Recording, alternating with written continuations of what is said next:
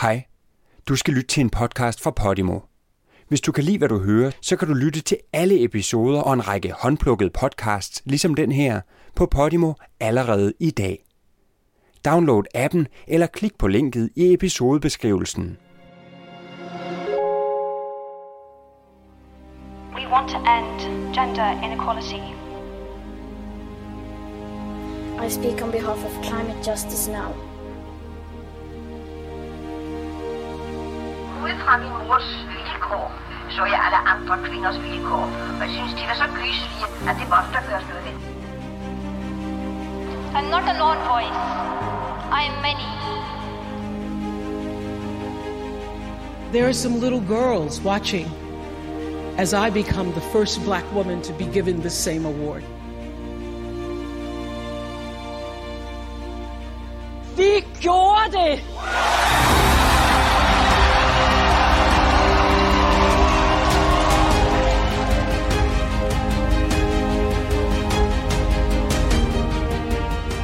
Du lytter til podcasten Kvinde kendt din historie. Mit navn er Gry Jeksen, og jeg er historiker.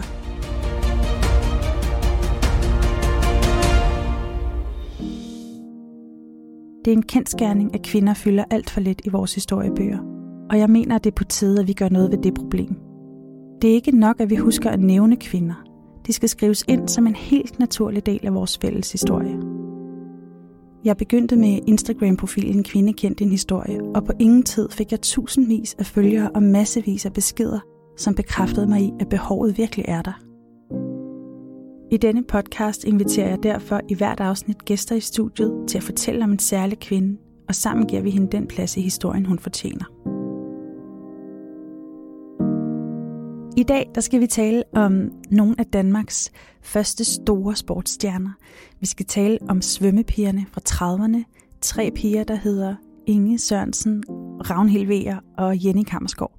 Og de her piger de er altså rigtig vigtige at kende, både fordi de slog nogle verdensrekorder på stribe, men altså også fordi de satte helt nye standarder for, hvad der var muligt for kvinder i sport, og samtidig gjorde op med den gammeldags opfattelse af kvindekroppen som særlig skrøbelig. Og Tommy Heis, velkommen til dig. Mange tak. Du har skrevet en bog om de her svømmepiger, der hedder Svømmepigerne. Og det er jo naturligvis derfor, at jeg har inviteret dig ind i dag. Kunne du ikke tænke dig lige at præsentere dig selv, og hvordan du fik ideen til bogen? Jo, altså min baggrund er, at jeg er journalist af uddannelse, og så har jeg efterhånden nu i en, en årrække haft sådan et dokumentarisk, historisk spor, hvor jeg tilbringer utrolig meget tid i arkiverne med at grave og grave og forsøge at se, om jeg kan finde nogle spændende spor. Og når jeg så finder et eller andet, så omdanner jeg det til en fortælling. Og det er så nogle gange, så bliver det til en bog, andre gange bliver det til en lang artikel og alle mulige former for fortællingerne. Der støtter jeg altså på et tidspunkt også på de her fantastiske svømmepiger fra 30'erne.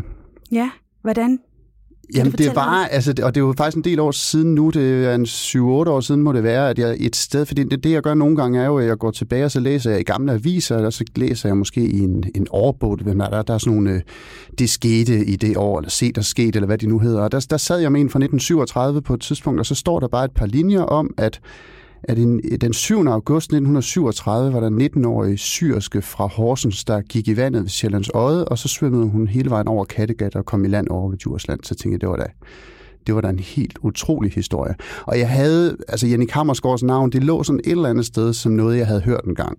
Og Jenny Kammersgaard skal vi jo tale om senere i dag. Men øh, jeg kan også være helt ærlig at sige, at da jeg talte med dig første gang om, at vi skulle lave den her podcast, der øh, spurgte jeg dig, om vi ikke skulle lave et program om lille henrivende Inge.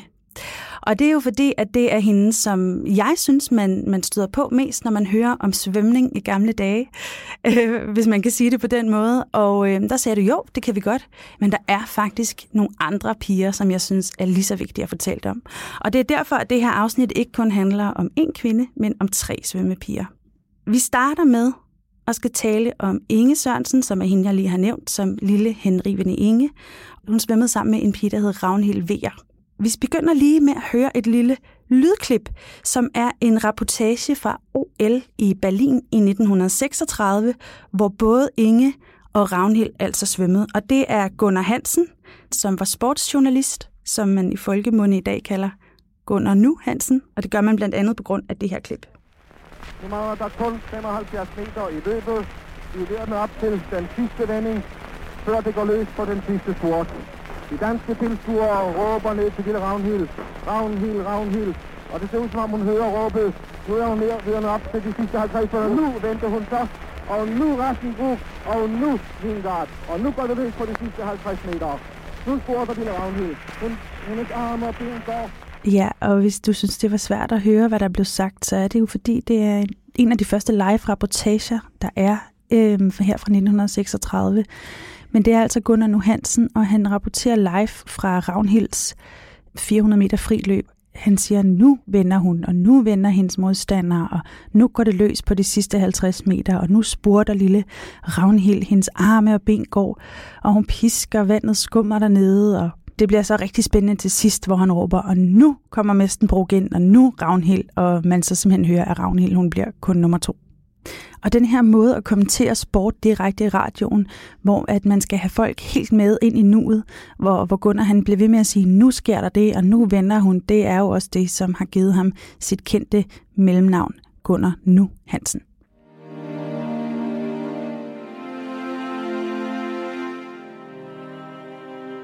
Det er meget sjovt at høre. Øh, og Ravnhild, hun var jo øh, spået til at vinde guld, men øh, hun kommer ind som nummer to. Kan du fortælle lidt om de her to piger, Ravnhild og Inge Sørensen, som kun var 12 år og kom til OL i Berlin her i 36? Ja, hvis vi tager Ravnhild først, som vi jo så lige hørte klippet med her, hvor hun, hvor hun får sin sølvmedalje, som hun jo selv var voldsomt skuffet over. Hun var jo på det her tidspunkt en af de bedste svømmere i verden, og havde god grund til at tro på, at hun rent faktisk kunne vinde en, øh, en guldmedalje på det her tidspunkt. Men historien om Ravn Helvea er jo, at, at hun, øh, hun voksede op i Helsingør, og hun svømmede og svømmede og svømmede, da hun var lille, og det foregik jo på den måde, at ned i havnebassinet og svømme ud til bundgarnspælen og tilbage igen, det var ligesom de forhold, man havde. Der var ikke lige nogen svømmehal, man kunne tage hen i på det tidspunkt. Og hun viser at være meget talentfuld, og allerede da hun var en 11-12 år, der kunne man godt se, at det her det kunne virkelig blive til noget stort. Der er sådan en sjov historie om, at første gang hun var med ved et rigtigt stævne, der sprang hun i på benene, hvilket jo må have set ret fjollet ud, når man har været til at se et svømmestævne, og man godt ved, at man, man får en lille fordel, hvis det er, at man starter med at springe på hovedet. Så folk øh, grinede højlydt af Ravnhild, som sprang i på benene, men latteren forstummet, da hun jo selvfølgelig endte med at vinde løbet alligevel. Ja. Hun var simpelthen så hurtig, at hun bare vandt over alt, og alle. Allerede som øh, 13-14-årig, der kunne hun konkurrere med de bedste voksne, og det på det her tidspunkt, hvor hun så er blevet 15, der er hun altså en af, af, de, af de bedste i verden, øh, og er med helt fremme, og derfor forventer man også, at hun vil kunne vinde det her løb, øh, hvor hun så desværre lige til aller, aller sidst mister det til, øh, til hollænderen Marstenborg. Og Inge Sørensen, som på det her tidspunkt allerede havde vundet en medalje ved, ved OL. Vi er, vi er jo i OL sidste dage, og på det her tidspunkt, altså før de her svømmefinaler, havde Danmark ikke vundet nogen medaljer overhovedet. Så det var en kæmpe begivenhed, at de her ting nu skete. Inge Sørensen, ja, hun var 12 år, da hun rejste til OL i Berlin i 36. Det hører med til historien, hun var fyldt 12 lige, jeg tror, 14 dage før OL startede, så hun havde altså, hun var ganske, ganske ung, og det var jo også blevet diskuteret, også i de danske medier, om det nu var okay at sende så lille en pige afsted. Hun var vokset op i Skovs Hoved, og havde også vist sig at have stort talent meget hurtigt, og fik noget svømmetræning, fordi at familien faktisk havde adgang til det. Så hun blev hjulpet frem, og allerede som 11-årig, der vinder hun altså Danmarksmesterskabet i, øh, i brystsvømning. Og når man vinder Danmarksmesterskabet, jamen, så skal man jo også med til de olympiske lege. Øh, det giver i hvert fald god mening at udtage den, der har været Danmarks bedste på, på distancen. Men Inge var jo selvfølgelig kun en, øh, en lille pige, og derfor blev det også diskuteret, om hun nu kunne holde til det her. Men Inges træner gik ud i offentligheden, gik ud i pressen og sagde, at det her skulle Inge nok klare. Det vigtige var bare, at der ikke var nogen, der forventede noget af hende. Hun skulle bare med til de olympiske lege som sådan en, ja, hvad skal man sige, en slags, hun var nærmest en slags maskot på det danske OL-hold, og, og aviserne blev ved med at understrege igen og igen i, i deres optagshistorier, at nu skulle, nu skulle Inge Sørensen svømmer, vi skulle jo endelig ikke noget forvente, vi skulle ikke forvente noget af hende, for vi skulle ikke lægge noget pres på den lille stakkels pige. Men altså, Inge hun så sig jo ikke tilbage, da hun først kom i bassinet i, i Berlin, og hun vandt de øh, første løb, hun var med i, og kom ret hurtigt i, i finalen, og så øh, lykkedes det hende altså også at vinde en bronzemedalje i den finale. Ja. Da hun skulle svømme finalen, der var der to, der var en tysker og en japaner, som man ligesom godt vidste, at de var meget bedre end alle de andre. Men bronzemedaljen stod sådan ret åben, og den havde hun nok meget gode muligheder for at få fingrene i, tænkte man. Øh, Inge havde den her med, at hun startede altid stille og roligt ud, og så lavede hun en voldsom spurt til sidst. Og det er der faktisk, hvor hun laver den sidste vending, og hvor hun sætter den spurt ind, og hvor hun overhaler tyskeren Hølsner og hollænderen Wahlberg, og lige til allersidst kommer forbi dem. Det er der, at Gunnar Hansen han udbryder sådan helt spontant, at det er lille henrivende Inge fra Skovs Hoved, der nu kommer i mål og vinder den her bronzemedalje til Danmark. Og det bliver altså sådan et navn, der jo hænger ved hende mange, mange år efter. Øh. Og det her med, at hun kun er 12 år, er det, er det kun noget, vi, der bliver talt om i Danmark, eller er det også noget, som, som der bliver bemærket ellers til OL? Jamen, det, jeg tror, der er noget debat om, det er også internationalt, og der går heller ikke ret lang tid efter det her, før man begynder at lave nogle begrænsninger på, ja. og øh, altså sætter nogle aldersbegrænsninger på. Jeg kan ikke huske præcis, hvornår det sker, men det, det er en debat, øh, der er der i, i samtiden, ja, det er det også. Så man har altså en holdning til, om, om børn skal deltage ja. til OL, ja.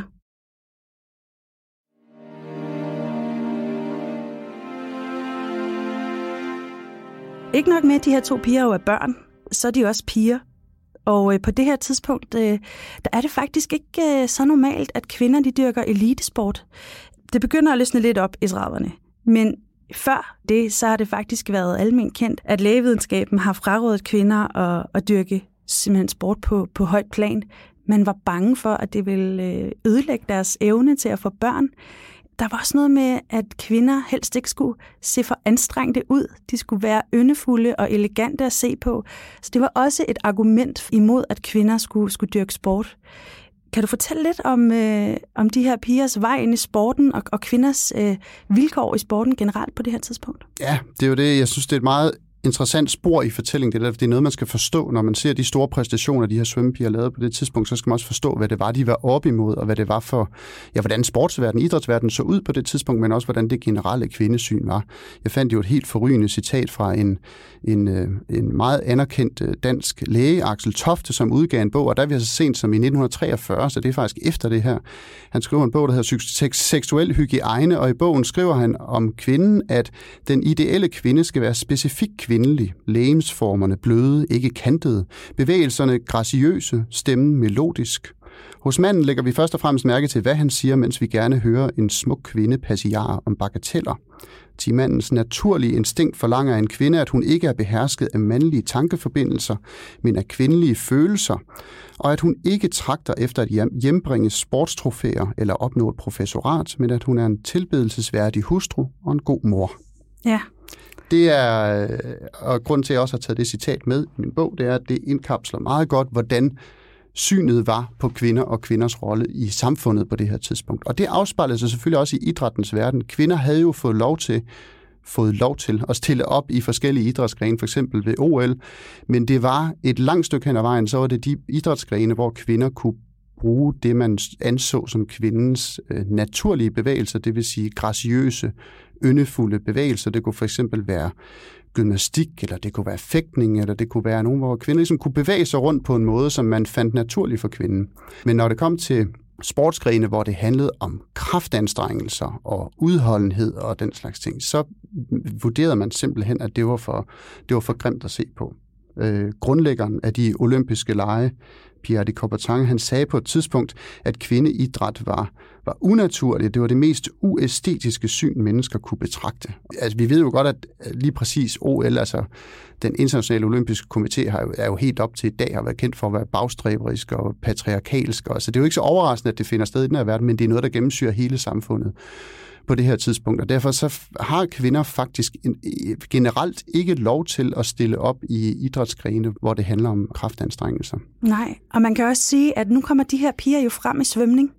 Øhm, og øh, mange af de udtalelser, som man ser om pigerne her i, i 30'erne, det handler jo om, at de er drengede at se på, og de er øh, maskuline af kropsbygning, og Ravnhild, hun er korthåret. Øhm, og at de bliver, øh, det bliver kommenteret meget, at de er nok gode til at svømme, fordi de er sådan lidt maskuline. Hvad tænker du om det? Ja, de bevæger sig ind i en mandeverden. Ja. Det er den måde, man ser det på, at de ligesom er, de er på besøg, eller de er, de er et sted, hvor de dybest set ikke hører hjemme. Øh, Ja, Og, og det, er, det er rigtigt, det er, den måde, det er den måde, de bliver fremstillet på, og det, det viser jo også det, det generelle syn på kvinden øh, på det her tidspunkt. Jeg har et andet eksempel, som også er med i bogen, som handler om rosporten, som er, som er ret fantastisk, fordi det også viser den her forventning og de rammer, der blev stillet op omkring kvinders sport på det her tidspunkt. Altså rosporten blev jo meget, meget stor i begyndelsen af 1900-tallet. Der kommer de her engelske idrætsgrene ind, tennis og rosport, som bliver meget store i Danmark.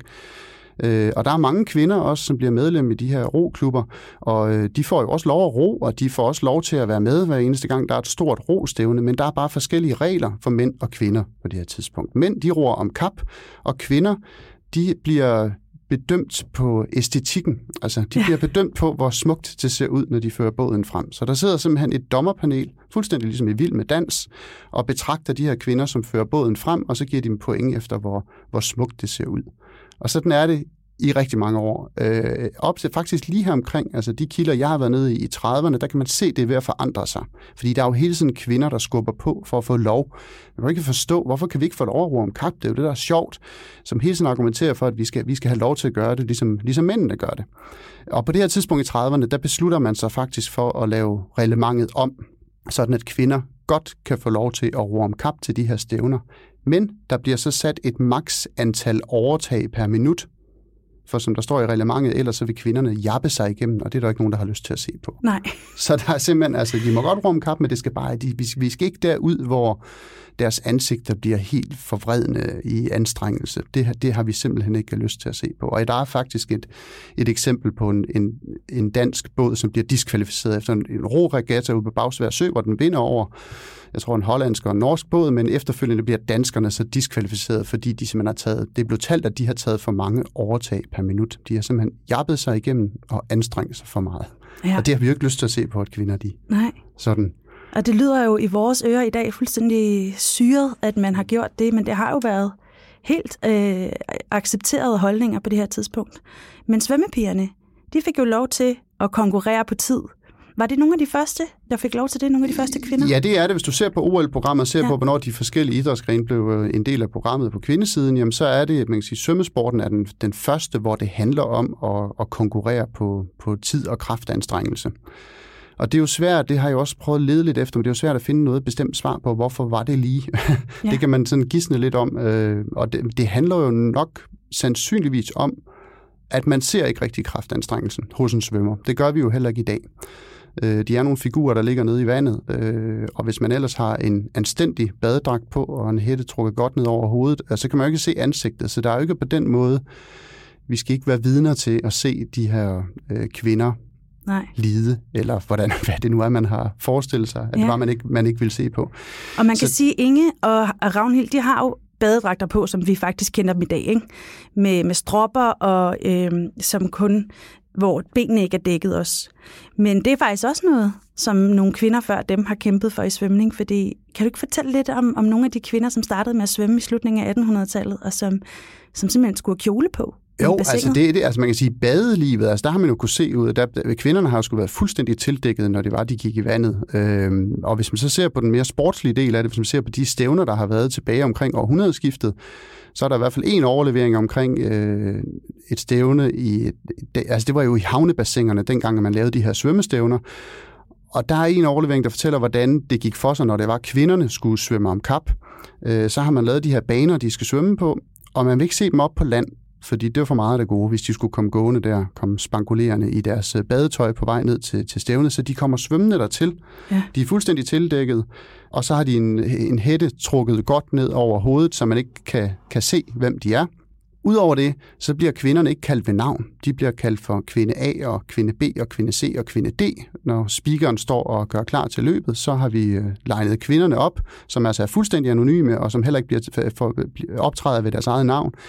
Og så bliver løbet sat i gang, så finder man ud af, hvem der vinder, og derefter så svømmer de væk derfra igen. Så man har altså fundet en måde Ja. at sætte det op på, så de alligevel godt kunne få lov at konkurrere mod hinanden, men man skulle i hvert fald ikke risikere, at der var nogen, der så et stykke hud, eller nogle kvindelige former, som det jo også bare har været. Fordi selvom du var tildækket, så kan man sige, at den kropsnære badedragt er jo også noget, der først for alvor slår igennem i faktisk i, i 30'erne her, hvor vi også er, Og der er jo så nogle kvinder, der har taget den kamp, som man til sidst som Inge og Ravnhild der i OL i 36 får lov til at stå i en, en almindelig badedragt, som vi kender den i dag. Ja, det har man lov til at gøre på det tidspunkt, men det hører også med til historien, at det ikke er alle danske aviser, der har lyst til at bringe billeder af det. Nej. Berlingske Tidene for eksempel, som jo altid har nok i hvert fald ikke været first movers i den slags anlægner, øh, har det et langt stykke op øh, hen ad vejen, sådan at de, de vil godt skrive om de her svømmepigers øh, præstationer, men de vil helst ikke bringe billeder af dem, som kan det er simpelthen for meget støde deres læsere. Ja.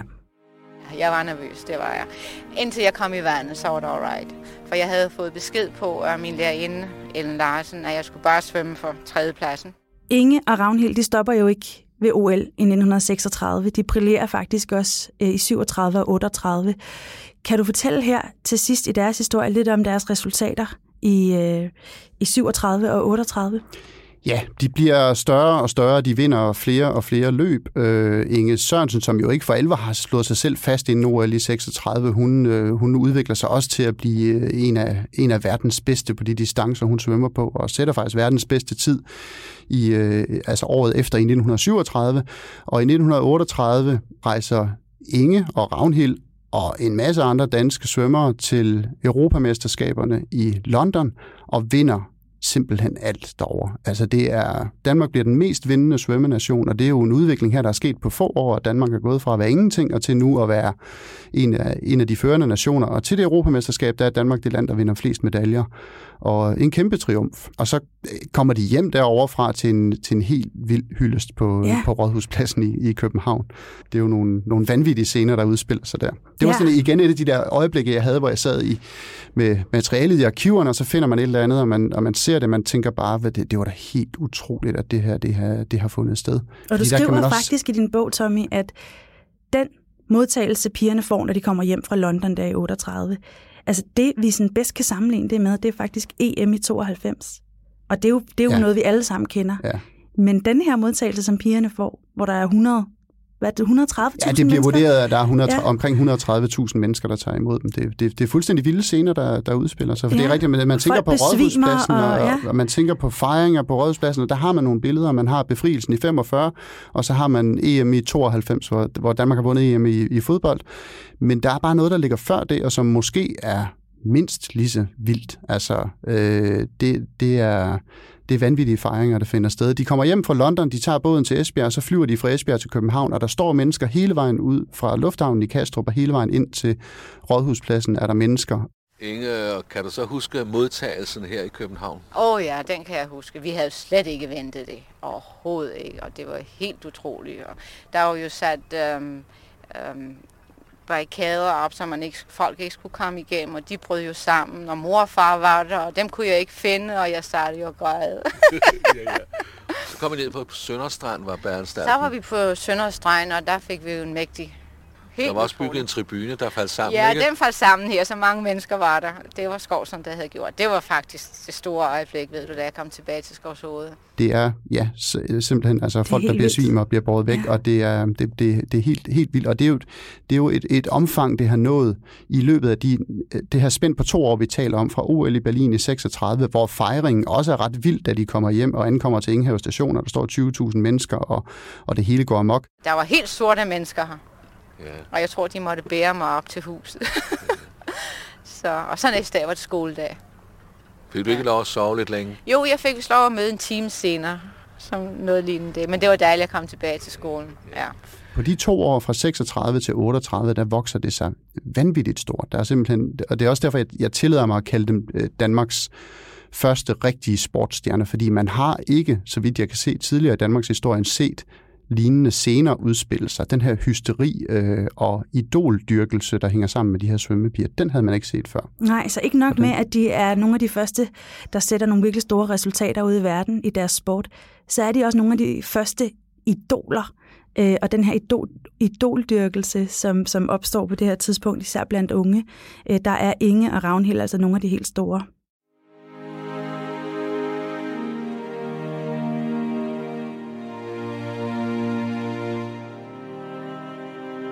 Nu skal vi tale om Jenny og øh, Jenny Kammersgaard. Hun havde en, en anden mission end øh, Ravnhild og Inge. Hun ville svømme på åbent hav, og hun ville svømme langt. Kan du fortælle lidt om, om hvem den her 19-årige Jenny Kammersgaard fra Horsens var? Ja, det er en helt utrolig historie om Jenny, og det var jo som sagt også det, der satte det hele i gang. Altså, det er rigtigt, som 19-årig, der vælger hun at svømme over Kattegat. Det lyder jo fuldstændig vanvittigt, og det var det også. Og når man så ser på hendes øh, livshistorie, så er der nogle andre ting, der gør det endnu mere utroligt, fordi hun, øh, hun voksede op i, i Horsens, som datter af en smed i sådan en familie, der ikke har ret meget, virkelig lever under små kår, som nogle familier jo virkelig gjorde, hvis vi er tilbage i, i 20'erne, tilbage ved hendes barndom. Og Jenny ovenikøbet, hun havde, da hun var lille, der havde hun en, en lungesygdom. Det er faktisk ikke specificeret noget sted i kilderne, hvad den lungesygdom var for en, men hun havde altså nogle problemer med at trække vejret, og familien har på et tidspunkt besøg af lægen, og lægen siger, til Jennys mor og far, at hun skal for guds skyld ikke komme i vandet. Hun skal ikke ned og bade i fjorden, for det er jo ellers, når man bor i Horsens, så er det jo det, man gør, når det bliver sommer, så går man ned til fjorden og har det godt dernede. Det skulle Jenny endelig ikke. Hun skulle ikke i vandet. Og sådan noget, det lytter man jo til. Man lytter til autoriteten, man lytter til lægen, og derfor så kom Jenny jo ikke til vandet. I modsætning til alle andre børn i Horsens, i modsætning til hendes store brødre og til alle hendes kammerater, som var nede og svømme og have det sjovt om sommeren, jamen så måtte Jenny gå nogle ture med sin hund i stedet for.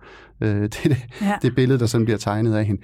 Da hun så øh, bliver øh, ung, da hun når konfirmationsalderen, hvor hun øh, skal ud og tjene, jamen, der kommer hun i huset hos en, øh, hos en familie, hvor moren i den her familie vi ved jo ikke rigtigt, hvorfor hun tager den beslutning. Hun beslutter sig i hvert fald for at tage Jenny med til vandet. Så hun må på en eller anden måde have tænkt, at ah, det kan da vist ikke være rigtigt, eller det skal vi da lige prøve og se, hvad der sker. Hun beslutter sig i hvert fald for at tage, tage Jenny med til vandet, og det er så først på det tidspunkt, hvor Jenny er fyldt de her 14 år, at hun første gang prøver overhovedet at komme i vandet. Og så finder hun ret hurtigt ud af, at, at det kan hun meget godt lide. Øh, hun siger selv, det fortæller hun selv senere, at egentlig ikke så meget det der med at bade og pjatte og bare have det sjovt, men hun lærer hurtigt de grundlæggende svømmetag, og så finder hun ud af, at det der med at svømme, og det med at blive ved med at svømme, det kan hun godt lide. Det gør noget for hende. Så hun får meldt sig ind i den lokale svømmeklub, og hendes træner der kan hurtigt se, okay, og hun kan altså svømme langt ind der. Når først hun begynder at svømme, så bliver hun bare ved og ved og ved. Ja, og der er også og, noget med, at hun, hun heller ikke på, rigtig påvirket af koldt vand.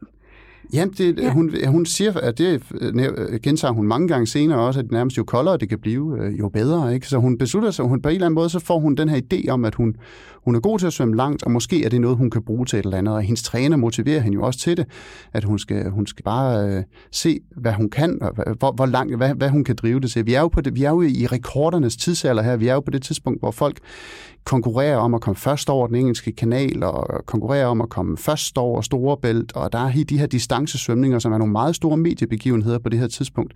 Og jeg tror måske nok, at hendes træner der i Horsens har tænkt, at ja, det kunne måske godt blive til noget med hende der. Og Jenny må også selv have tænkt det, fordi hun får jo, hun kommer jo som mange andre unge kvinder på det tidspunkt til at arbejde som syrske på den lokale trikotagefabrik, og der sidder hun jo så og passer sine lange vagter der, og når hun så er fri, så går hun ned og svømmer nede i fjorden. Og det er altså hver eneste gang, hun har fri. Det vil sige, at hun står tidligt op om morgenen. Før hun møder på fabrikken, går hun ned og svømmer i fjorden. Når hun har en frokostpause, så går hun ned og svømmer nede i fjorden. Og når hun fri, øh, får fri, så går hun ned og svømmer nede i fjorden, før hun selvfølgelig skal hjem og hjælpe sin mor med alle de praktiske gøremål derhjemme. Så det er hver eneste gang, hun får en mulighed for at gøre det.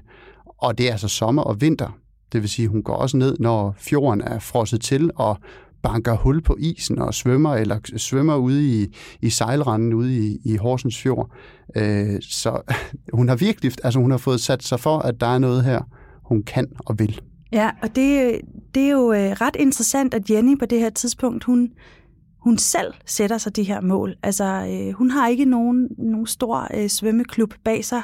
Det er noget, hun selv finder på, men hun møder på et tidspunkt en, som kan hjælpe hende med at finansiere en stor svømning, som hun drømmer om at, at lave over Kattegat. Og, øhm, fordi der skal jo nogle, nogle mennesker til at hjælpe hende i forhold til, at det koster penge at, øh, at have en følgebåd med og sådan nogle, nogle andre ting, hvis man skal lave sådan en lang svømning der. Så man skal altså have nogle penge. Hendes brødre havde jo fået lov at rejse væk fra byen og tage nogle uddannelser og sådan noget. Det skulle hun jo ikke. Hun skulle bare ligesom følge den, den slagende vej. Men altså, hun, hun, øh, hun laver på et tidspunkt en svømning ude fra, fra Snaptun hele vejen ind gennem Horsens Fjord ind til Horsens, så den bliver der skrevet en lille smule om i medierne. Og der sidder der altså en forfatter oppe i Nordjylland, Niels Anesen, og læser en lille notits om hende i avisen, og han bliver interesseret i den her pige, og hvad hun er i stand til at præstere, og tænker, at det kan der nok komme en fantastisk historie ud af.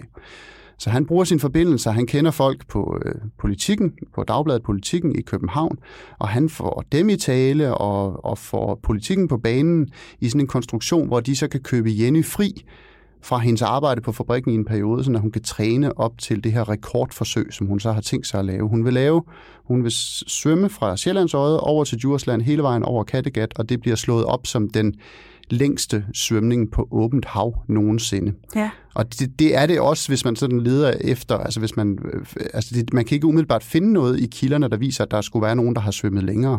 Det er jo ikke ens betydende med, at der ikke er det et eller andet sted i verden. Der findes jo nok nogle folk rundt omkring, der har tradition for, for at svømme langt. Men at kendte distancesvømninger på åbent hav, der er der altså ikke nogen på det her tidspunkt, så hun, har, hun sætter simpelthen ud på et, et verdensrekordforsøg. Og det er 42 kilometer? Eller det, er det, altså, det, er omkring, det, er der omkring, det er i, i fugleflugtslinje, men det ender jo selvfølgelig med at blive meget længere, fordi Ja. når man svømmer ude på åbent hav, jamen, så øh, øh, bliver man ført med af strømmen, og der er masser af vind, og der er en masse forskellige forhold, der gør, at man kan ikke bare svømme i en, en lige linje over. Så hun ender faktisk, ifølge navigatøren, der er med, så ender hun med at svømme over 90 km på den her, den her tur over Kattegat. Ja, det er helt utroligt. Og det er den tur over Kattegat, som vi skal til at tale om nu. Fordi hun har jo så den her periode, hvor hun træner i Hundested. Hun bor på Hundested Kro, og på et tidspunkt så beslutter de, nu er vi klar. Vejrforholdene er klar. Med de teknologiske midler, de havde til at vurdere strømmen og vejret på det her tidspunkt, så vurderer de, at nu skal Jenny svømme. Politikens reporter er med, journalist, og ham, øh, forfatteren, Nils Anesen, er med i følgebåden. Og de, øh, de sætter i gang om natten. Det første forsøg, der, er det første forsøg, hvor det ikke lykkes, der sætter de med afsted meget Ah, tidligt om ja. morgenen. Øh, og det er, det er måske egentlig faktisk meget sjovt lige at komme ind på det forsøg, fordi der er noget, altså hun har, der, der er også en læge med i den her følgebåd. Nå ja, det Og når vi rigtigt. taler om alt det her med, hvordan man, hvad synet var på kvinder, og også hvordan videnskaben igen og igen forsøgte at placere øh, Øh, kvinder ind i en eller anden øh, bestemt øh, rolle i, i, i, i samfundet. Så den her læge, der er med første gang, der, fordi i første forsøg, der lykkedes det hende faktisk næsten at komme til Jylland, men hun har problemer med at komme forbi kyststrømmen og, og komme ind til land. Og de bliver ved med op på båden og sige, nu, skal, nu er du nødt til at give op, du må give op nu, du skal op i båden. Og hun, bliver, hun nægter. Hun bliver ved og ved og ved, hun vil ind til land. Det ser bare ud som om, at det er umuligt. Og til sidst så skærer den her læge, som hun har med på båden, han skærer simpelthen igennem, og så siger han, de må op nu, Jenny, vi vil ikke risikere deres hjerte. De ved jo nok selv, de ikke har det godt. Et hvilket som helst andet menneske var brudt sammen for mange timer siden. Kom nu tættere til båden, så vi kan få dem op. Men Jenny, hun kæmpede sig bare væk fra båden og blev ved, og hun skreg tilbage til lægen op på båden. Åh, I idioter, I kender ikke mit hjerte. Det går aldrig i stå. Jeg skal bare arbejde meget stærkere. Jeg fryser ikke, jeg ryster bare, når jeg arbejder langsomt. Ja. Men det ender altså med, at de, de tvinger hende op, de, øh, og hun spræller, og hun vil fri, og, det, og hun skiller dem ud. Ikke? Og normalt så siger hun ikke ret meget til aviserne, men dagen efter, der får hun sagt til BT, at hun, ja, de spørger, øh, journalisten fra BT spørger, hvordan hun reagerede på, at hun blev taget op, og så sagde hun, at jeg lovede dem tæsk fra en ende af, og så ja, hun får også lige sagt, at hun, hun skred dog ikke til handling, men, men det står i hvert fald klart, at hun har simpelthen ikke tænkt sig at blive stoppet af en læge, der påstår, at hendes hjerte stopper med at slå. Og det er jo, man kan jo grine lidt af det i dag, men det var en udbredt opfattelse dengang, øh, Øh, og det var noget, man hørte læger gentage igen og igen, at grunden til, at kvinder ikke skal deltage i, øh, i udholdenhedsidræt, er, at vi tror simpelthen ikke, at deres hjerte kan holde til det. På et eller andet tidspunkt, så vil det stoppe med at slå, fordi kvinden er ikke fra naturens side bygget til at skulle blive ved med at, at udøve noget, der er så hårdt i så lang tid ad gangen. Så vi har altså med en virkelig kontroversiel kvinde på det her tidspunkt at gøre. Altså hun, ikke nok med, hun selv sætter sine mål, og hun selv kæmper for at nå dem. Hun er altså også ret meget øh, i kontakt med sig selv, og, og, og hvad hun selv føler af sin krop, og det stoler hun på, uanset hvad en læge siger.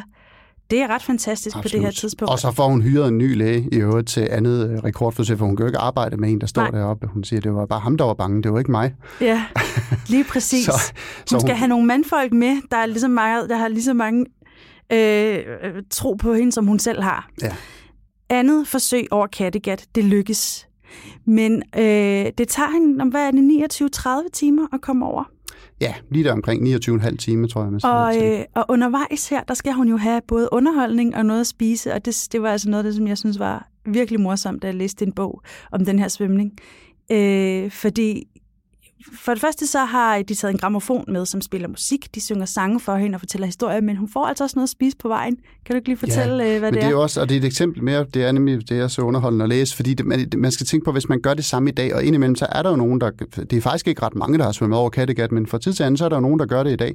Men de ting, man gør i dag, det kunne man jo ikke gøre dengang. Altså man kunne ikke, man kunne ikke iføre sig en våddragt dengang, øh, når man, hun skulle være i vandet i rigtig mange timer, og det er faktisk koldt, selvom det er om sommeren, så bliver det altså koldt, når du kommer ud midt på Kattegat.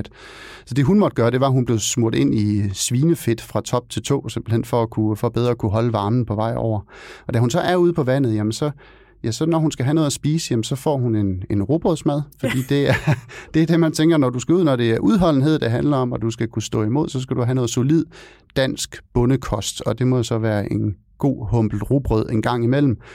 Og øh, når hun blev lidt, lidt søvnig, lidt træt, jamen så fik hun en flaske stukket ned, hvor der var noget kaffe i, så hun kunne få sig en lille, en lille opkvikker der. Ja. Øh, og også når man ser på aftensmaden, som hun får på et tidspunkt, hvor hun har været i gang i lang tid. For der er jo de her to følgebåde med, og alle på de to følgebåde er mænd på Ja. nær en enkelt, som så er skiberens kone, som er med for at lave mad.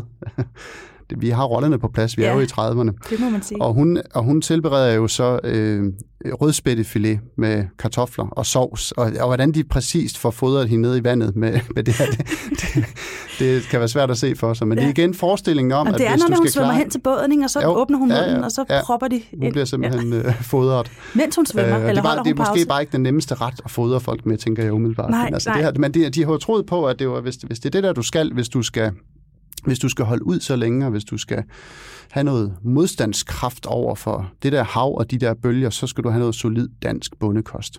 Og der tror jeg måske nok, man vil gøre nogle andre ting i dag, hvis man gjorde et, øh, Ja. et, et langdistance svømme, svømme rekordforsøg. Og så, du nævnte også underholdningen der, jamen det, altså, der er jo et helt fantastisk billede fra, øh, fra svømningen, hvor Jenny ligger nede i vandet og svømmer der ud af, og så ser man Niels Anesen, den her, altså forfatteren, som ligesom er hendes, hvad skal man sige, manager på det her tidspunkt. Det er jo ham, der har fået sat det hele op. Han sidder op i båden og ryger en serut og har en rejsegrammofon foran sig og sætter nogle plader på, og så står der jo også en bajer ved siden af ham. Øh, så han hygger sig, og det er jo, man bliver jo helt rasende på hendes vegne, når man ser billedet. Men faktisk så var det hende, der havde bedt om, at den der rejsegrammofon skulle med, fordi hun sagde selv på forhånd, at hun var ikke nervøs for, om hun kunne klare det fysisk. Hun, hun visualiserede, hun forestillede sig, at det ville tage fire døgn, fordi så kunne hun kun blive positivt overrasket. Det var sådan, Ja. det var hendes mentale tilgang til det. Så hun var, ikke, hun var ikke så nervøs for, at hun godt kunne klare det der, men det hun godt kunne være en lille smule nervøs for, det var, om hun ville blive søvnig, om hun ville komme til at kede sig for meget undervejs, og blive så træt, at hun kunne finde på at falde i søvn. Så derfor krævede hun alle de folk, der sad oppe i følgebåden, at de hele tiden var i gang med at underholde hende, fortælle hende eventyr, folkesavn og synge øh, fællessang og sætte nogle plader på rejsegrammofonen, så der hele tiden var noget underholdning i gang op fra, Ja. fra båden.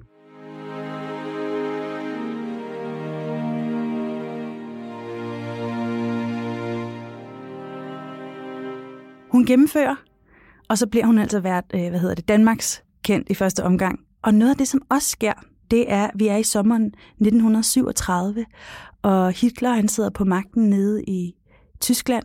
Og det, der faktisk sker, det er, at hun dagen efter modtager et personligt telegram fra Hitler. Øh, og med vores tids øjne, så kan det godt lyde ret skræmmende. På det her tidspunkt, der er det faktisk en stor ting at få sådan et telegram, og jeg kunne godt lige tænke mig at læse et citat op fra din bog, som er øh, fra BT, der skriver dagen efter, Rigskansler Adolf Hitlers telegram til Jenny Kammersgaard har vagt stor opsigt. Jenny Kammersgaard viste i aftes telegrammet frem med berettiget stolthed. Men mon hun havde en anelse om, at hun i sin hånd holdt et idrætsdokument, der er uden sidestykke i verdenshistorien. En hilsen, hvis ordlyd sikkert vil gå verden rundt og give anledning til mange kommentarer i verdenspressen. Det er nemlig første gang, et rigsoverhoved skriftligt lykønsker en udenlandsk idrætsstjerne til en udført præstation. Så det er altså, der er stolthed omkring det her telegram, og hun får også en invitation til Berlin. Ja, det er interessant at se de der ting, når man går tilbage nu, fordi det er jo rigtigt, man, man har det jo med også med historien med at se det ind i et lys for, hvor vi er nu, og man tænker, telegram fra Hitler, det er da, det er da også ubehageligt på en eller anden måde. Ikke? Men på det tidspunkt, der i alle aviserne bliver det bare slået op som noget, der er helt fantastisk, at den store øh, fører, at udlandet rent faktisk også har set, hvad lille bitte Danmark er, er i stand til. Øh, og det er rigtig med, ikke, ikke med telegrammet faktisk. Det er ikke Hitler, der inviterer Jenny til Berlin, men nogle dage efter hendes store præstation på Kattegat, der kommer der en invitation fra et øh, tysk magasin, som spørger, om hun kommer til Berlin og stiller op til noget interview og foto og en hyldestseance i Berlin over det tyske folk. Det takker Jenny ja til. Hun siger selv på det tidspunkt, at hun, jeg, jeg blev så glad. Jeg har tit ønsket mig at flyve, og nu skulle jeg snart op i luften. Det var det, der var hendes tilgang til det. Mm. Og igen, det var, hvis man ser på medierne, der omtalte det dengang, jamen, så blev det også kun omtalt som noget stort og fantastisk. Ja. Der er faktisk kun en, der lige kommenterer det lidt i en negativ vinkel, og det er Kai Munk. Ja, det er faktisk Kai Munk, Ja, som, alle, øh, som, øh, som, som lige synes, det måske lige... Som fra starten af har set, hvilken glidebane det var, at øh, nazismen havde fremgang i Tyskland, og han ender jo så også med at blive øh, likvideret af Gestapo senere. Øh, han er faktisk den eneste, der, der siger, ah, er det her nu en god idé? Men Jenny, hun kommer til Berlin. Og hun bliver øh, jo ført igennem et, et show uden lige dernede. Der er jo ikke nogen tvivl om, altså det er et tysk magasin, der har inviteret hende til Berlin, men der er jo ikke nogen tvivl om, at det er er nazisterne, der har trukket i tråden, og der er ikke nogen tvivl om, at det er et stort øh, propaganda, øh, propagandanummer, som hun skal tage, tage del i. Øh, hun står på, på Rigsakademiet for Lægemsøvelser på Olympiastadion i Berlin sammen med den tyske Rigs sportsfører, som har det helt fantastiske navn, Hans von Schammer und Osten. Øh, og han står der og hylder hende, og han står og kalder hendes bedrift for einfach fabelhaft. Altså, hun bliver simpelthen fremhævet som det mest fantastiske, og for at blive igen også overbragt en hilsen fra, fra, fra føreren selv, fra Adolf Hitler, som synes, at det er en, en helt utrolig bedrift. Hun bliver indlogeret på et af de fineste hoteller i Berlin, og hun bliver kørt rundt i åben vogn, og der er fotoseancer med, med flere af topnazisterne øh, på det her tidspunkt. Mens hun er i Tyskland, kommer der også en, en middagsinvitation fra Josef Goebbels, altså fra Hitlers egen propagandaminister, som, som spørger, om, om Jenny har lyst til også at komme en tur til, til Bayern, til Sydtyskland, for også at blive hyldet dernede. Den takker hun faktisk nej til, men det er altså fordi, der er, på det tidspunkt er blevet arrangeret en fest for hende hjemme i Horsens, som hun er nødt til at komme hjem til, så hun også skal, lige kan passe øh, hjemmefronten. Ja. Og så er der også noget andet. Der er også noget med nogle lægeundersøgelser, som de gerne vil have, have de vil gerne have undersøgt hende, mens hun, mens hun er dernede. Hun får at vide,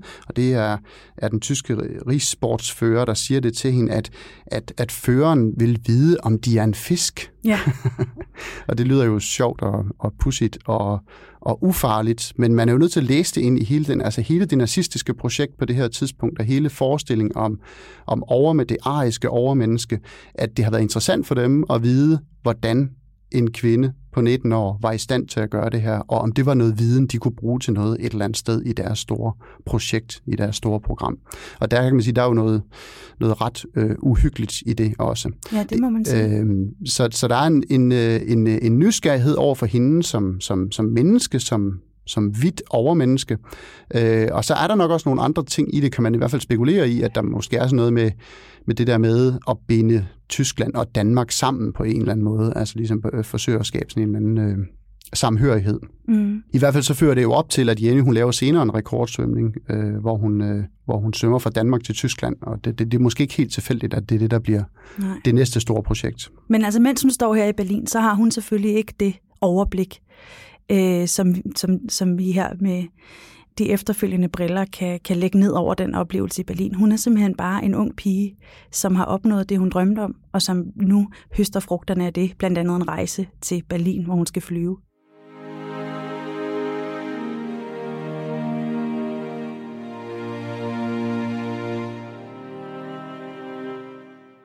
Og Jenny, hun stopper ikke der. Du var kort inde på det lige før. I 1938, der sætter hun en ny verdensrekord. Hun er øh, 20 år så på det her tidspunkt. Og øh, hun svømmer simpelthen fra Gæsser til Nienhagen, Warnemünde øh, i Tyskland. Ja. En tur på 110 kilometer, øh, som hun klarer på 40 timer. Det er ret fantastisk. Ja, det kunne åbenbart godt blive endnu vildere. Det tænker man ja. umiddelbart, det ikke kun, når man læser om, øh, om Kattegat-svømning, men, øh, men det, det gør hun altså. Hun bevæger sig ud på en, en endnu længere svømning, og hvor det jo også altså, ja, hun er i 40 timer, det er altså 11 timer mere, end hun var i vandet i første omgang, og ifølge de de reportager, jeg har kunne finde for den her svømning, der fort, hun fortæller også selv om på et tidspunkt, at hun faktisk falder i søvn på et tidspunkt i ja. vandet, og så svømmer hun åbenbart videre, bare videre alligevel. Altså det, Hendes krop det, bliver det, ved. Det, kroppen simpelthen øh, bliver ved med. Men det lykkedes hende altså øh, igen at gøre det umulige at, at komme i land i, i Tyskland. Og så øh, viser det sig jo faktisk øh, efterfølgende, at der så var en lille ekstra krølle på den historie, fordi hun faktisk var gravid. Ja. Hun var 3-4 måneder henne. Øh, det, altså, da og, jeg læste og, det i din bog, så, så måtte jeg simpelthen lige tage en pause og tænke, det er godt nok vildt. Ja, hun var gravid i tredje måned, ja. og begiver sig ud på en, en 40 timer lang svømmetur. Hun havde ikke fortalt nogen, at hun var gravid. Nej, der var ikke noget, der skulle stoppe hende jo. Altså, det skulle hun nok selv bestemme, åbenbart. Og jeg, under arbejdet med bogen, der mødte jeg jo uh, Ruth, altså Jennys datter, som jo så har været inde i maven på det ja. tidspunkt, og hun synes jo også selv, at ah, det var nok lige lidt for meget det gode, men, men sådan var mor. Når der var noget, hun ville, så gjorde hun det bare. Ja. Altså, og det i sig selv er jo en fantastisk bedrift. De her tre piger, det er jo nogle helt fantastiske øh, bedrifter, de har begået i historien, og øh, Lige til sidst, Tommy, kan du øh, sætte et par ord på, hvad du tænker, at de her tre svømmeheltinder øh, har betydet for, for kvinder i svømning senere i historien? Jeg tror, de har haft en stor betydning. Og sådan noget vil jo altid være en tolkning. Øh, men hvis man ser på en af de største danske svømmetriumfer nogensinde, øh, så fandt den sted lidt senere faktisk. Der skal vi til OL i 1948, altså efter krigen, i London, hvor de danske svømmere tager over og vinder rigtig mange medaljer derovre. Øh, og de kvinder, som vandt guld og sølv og bronzemedaljer ved OL i 1948, når de blev interviewet om, hvad der havde sat dem i gang, så var der flere af dem, der vendte tilbage til det her med, at de kunne huske, da jeg var en lille pige, der hørte jeg historien om, hvad Inge havde gjort, eller hvad Ravnhild havde gjort, eller hvad Jenny havde gjort for den sags skyld, selvom Jenny jo var en anden slags svømmer. Men det der med, at der pludselig stod berømtheder og havde gjort noget helt fantastisk som kvinder. Det var noget, der, der, der betød noget for den generation, der kom efter. Og så tror jeg faktisk, det har trukket spor endnu længere op. Øh, jeg kom til at tænke på det for nylig. Hvis jeg skal sætte navn på, hvor mange mandlige svømmere jeg sådan kan nævne, øh, også i nyere, i nyere dansk svømmehistorie, så kan jeg virkelig ikke ret mange navne. Nu skal jeg sige, at jeg går jo ikke specielt meget op i svømmesport. Det er jo historien det her, jeg interesserer mig for. Men kvinderne har jo altid været der. Og da jeg var dreng, var det Mette Jacobsen, der vandt alt. Ikke? Og så senere, jamen, så har vi haft forskellige andre. Der er Lotte Friis. Der er hele tiden nogen op, øh, som er blandt de bedste i verden. Og på den måde, så er det jo egentlig lidt specielt, at vi har en sportsgren, hvor kvinderne på en eller anden måde altid har haft overhånden. Ja. Eller i hvert fald siden 30'erne, hvor ja. det her hvor den her fortælling så startede. Ja, det er interessant. Tusind tak, fordi du kom, Tommy. Mange tak.